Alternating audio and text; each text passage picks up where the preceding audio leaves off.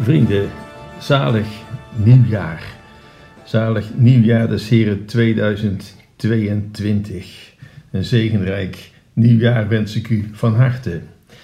Vandaag, de dag na nieuwjaarsdag, 2 januari, vieren we het feest van de Openbaring des Heren, in de volksmond beter bekend als Drie Koningen.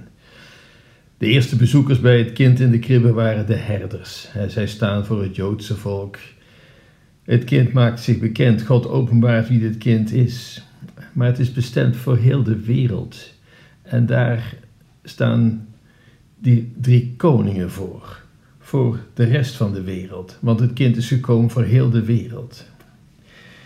Ik kan me nog goed mijn uh, indrukken als kind van de kerststal bij ons thuis herinneren. Ik heb hem hier ook voor me staan trouwens. Ik ben geloof ik de vierde generatie. Kleine, maar mooie beeldjes. Ook de stal niet zo groot. Die past wel bij het formaat van de beeldjes. Het grootste beeld, dat uh, is de kameel. Die hoorde bij de drie koningen. En in de kerstnacht stonden deze drie met die kameel nog niet bij de stal, maar een eindje er vandaan. En elke dag tussen kerstmis en drie koningen mochten we dit stel een klein stukje vooruitschuiven, dichter richting de stal, doordat ze op de dag van drie koningen echt in de stal mochten staan, vlakbij het kindje. De herders die moesten maar even opzij, zelfs Sint-Jozefs moest een beetje naar achteren.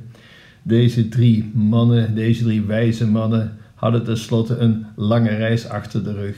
En al die moeite, die mocht wel beloond worden. Als kind vond ik dit een mooi tafereel. En later ben ik gaan begrijpen dat het ook eigenlijk een diepe zin heeft dat die drie koningen maar beetje bij beetje bij de stal kwamen. De drie koningen kunnen in het verhaal van Matthäus worden gezien als mensen op hun levensweg, zoekende mensen. Ja, Wijze mensen zijn zoekende mensen. Wijzen, dat zijn mensen die beseffen dat er meer is in het leven dan gewone, oppervlakkige dingen, de dingen van alle dag. Wijzen zijn mensen die zich iets laten gezeggen, die weten er is iets wat ons overstijgt. En daarom gaan deze wijze mensen op zoek, op weg, om iets te vinden dat ze nog niet kennen. Deze wijze mensen, wat staat er tegenover? De, de, de onverstandige, de domme mensen, mag ik het zo zeggen. Die zitten in het verhaal van vandaag in Jeruzalem. Die zoeken niets. Die, die weten het al. Die hoef je niks meer te vertellen. Maar die waarheid, die doet ze niks. Het zet ze niet in beweging. Ze blijven hangen bij het leven van alle dag. Het is zo mooi beschreven, dit verhaal maar wel erg confronterend als je goed oplet, als je het goed op je laat inwerken. Drie wijze mannen die een barre tocht ondernemen. En, en dat is het, want ze gaan op weg, niet wetend waar die ster hen zal brengen. En onderweg, wat, welke gebieden kom je tegen? Je hebt niet zomaar te eten en te drinken. Je moet nog s'nachts reizen ook, want anders zie je de ster niet. Maar ze gaan, ze gaan. Een barre tocht hoe lang, hoe ver, ze weten het niet. Maar in de ster zien ze een teken dat er in het leven iets anders te zoeken valt dan ze al hebben. Het zijn mensen die de sterren helemaal goed kennen. Astronomen, niet te verwarren met astrologen. En ze wisten, deze bijzondere ster die ze nooit gezien hadden, die moeten we volgen. En het zijn mensen, ja, ze zien er chic uit, lijken wel koningen. Ze worden ook beschreven als mensen van aanzien, die meer hebben dan het modale, zal ik maar zeggen. Maar toch, er is iets dat ze onrustig maakt. En die onrust, die onderdrukken ze niet. Die onderdrukken ze niet door bijvoorbeeld maar weer het nieuwste van het nieuwste aan te schaffen of een andere kick of afleiding te zoeken. Nee, ze doen iets met die onrust. Ze gaan op weg. En het blijkt een lange, barre tocht te zijn. En misschien dat ze onderweg gedacht hebben: waar zijn we eigenlijk mee bezig? Lopen we geen hersenschim achterna? Maar toch, ze hielden vol.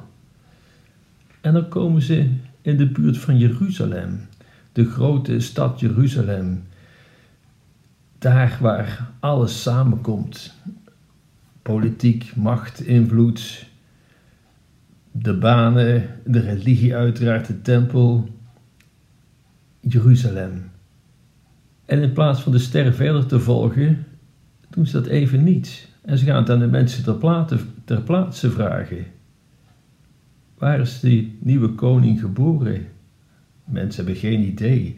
Uiteindelijk gaan ze naar de koning, die woont daar ook in zijn paleis. In het verhaal van vandaag van de drie koningen zijn er ook nog twee andere koningen. Hè? Koning Herodes en de pasgeboren koning der Joden, het kind in de kribbe. En koning Herodes is alleen maar belust op macht en hij is geschokt een pasgeboren koning. En hij ziet dat als een bedreiging voor hemzelf. Een kind, een bedreiging. Ja, zo gaat het met machtswellustelingen. En dat kind moet dood. Overigens kunt u Herodes gerust vergelijken met de, de, de Stalins en de Pol Pots en de Hitlers en de Mao's van deze wereld. Want ze hebben ongelooflijk veel doden op hun geweten om hun macht maar te handhaven. Dus het past wel in het beeld van deze Herodes, dat kind moet dood. En hij gaat raad vragen, heel huigelachtig, aan de koningen zelf en ook aan de Bijbelgeleerden. De Bijbelgeleerden, die kennen het Oude Testament goed, de profeten, die weten vast wel waar dit kind, deze koning, geboren moet worden. En inderdaad, het staat geschreven in het Oude Testament, zoals alles, al de profetieën vervuld worden door Jezus, bij Hem samenkomen. En wat staat er in het, in het boek van de profeet Micha? In Bethlehem zal Hij geboren worden.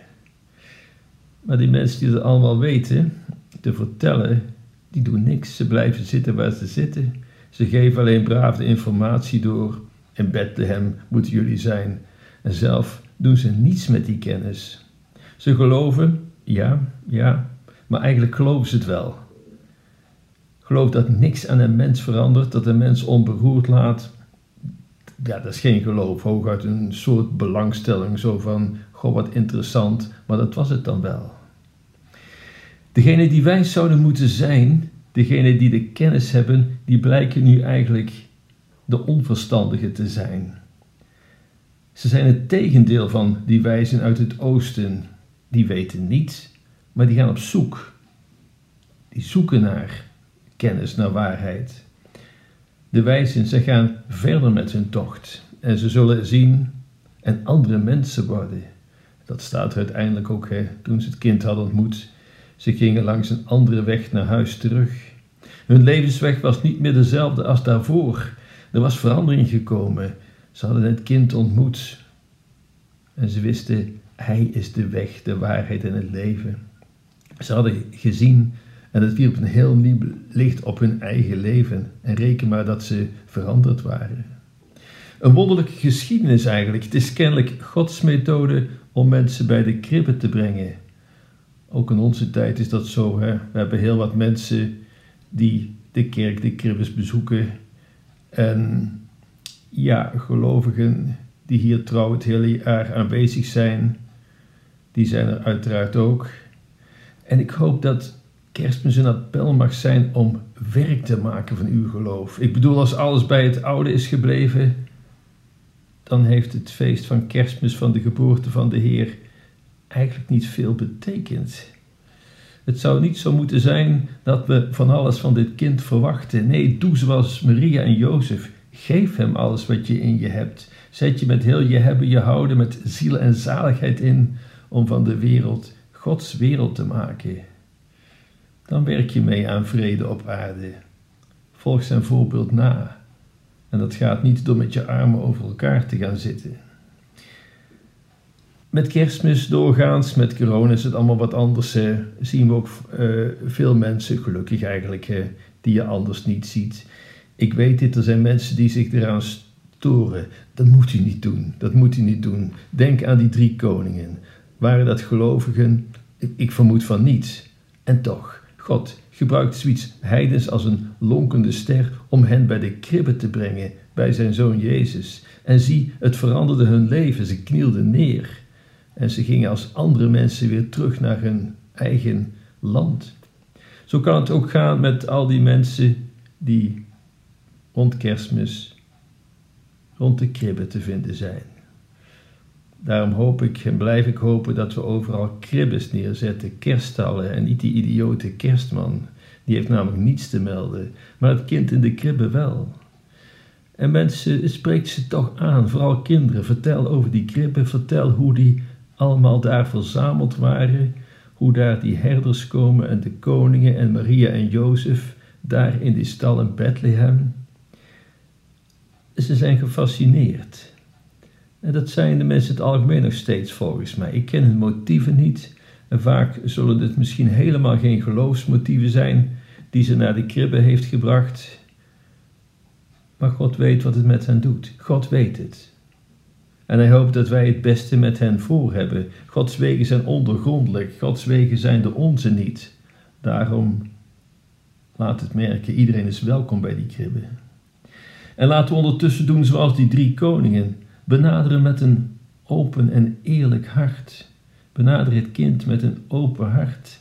Die drie koningen werden geleid door de ster, een hemelsteken voor hun. Want toen ze op eigen houtje verder trokken, ja, zo in de buurt van Jeruzalem, dachten ze hier moet het zijn, ze letten niet meer op de ster. Ja, daar raakten ze het spoor bijster. En toen ze de ster weer volgden, kwamen ze in Bethlehem en daar bleef die ster boven de stal staan. Ook wij hebben heldere leiding nodig. Doe het niet op eigen houtje. Nee, we hebben leiding nodig, we hebben hulp nodig. En wat zijn onze sterren? Het gebed, de Eucharistieviering, de Bijbellezing, de sacramenten, het wekelijks samen zijn met elkaar, want zo steunen we elkaar zoals de drie koningen steun van elkaar hadden. Hou daaraan vast, het is zo belangrijk in onze tijd. Het kind in de kribbe wil zo graag die goede herder zijn die voor ons uitgaat het hele jaar door om de weg te wijzen. Volg hem, kom en zie, zal Jezus later zeggen. Doe dat. Dat is de uitdaging die we vandaag vieren. Zoek Jezus met een oprecht hart en je zult hem vinden. Kniel voor hem neer, want alleen op die hoogte zul je hem zien en ontdek dan de vreugde in je hart. Wees niet eigenwijs zoals koning Herodes, die weigerde voor dit kind te knielen. Hij heeft het levensgeluk nooit gevonden.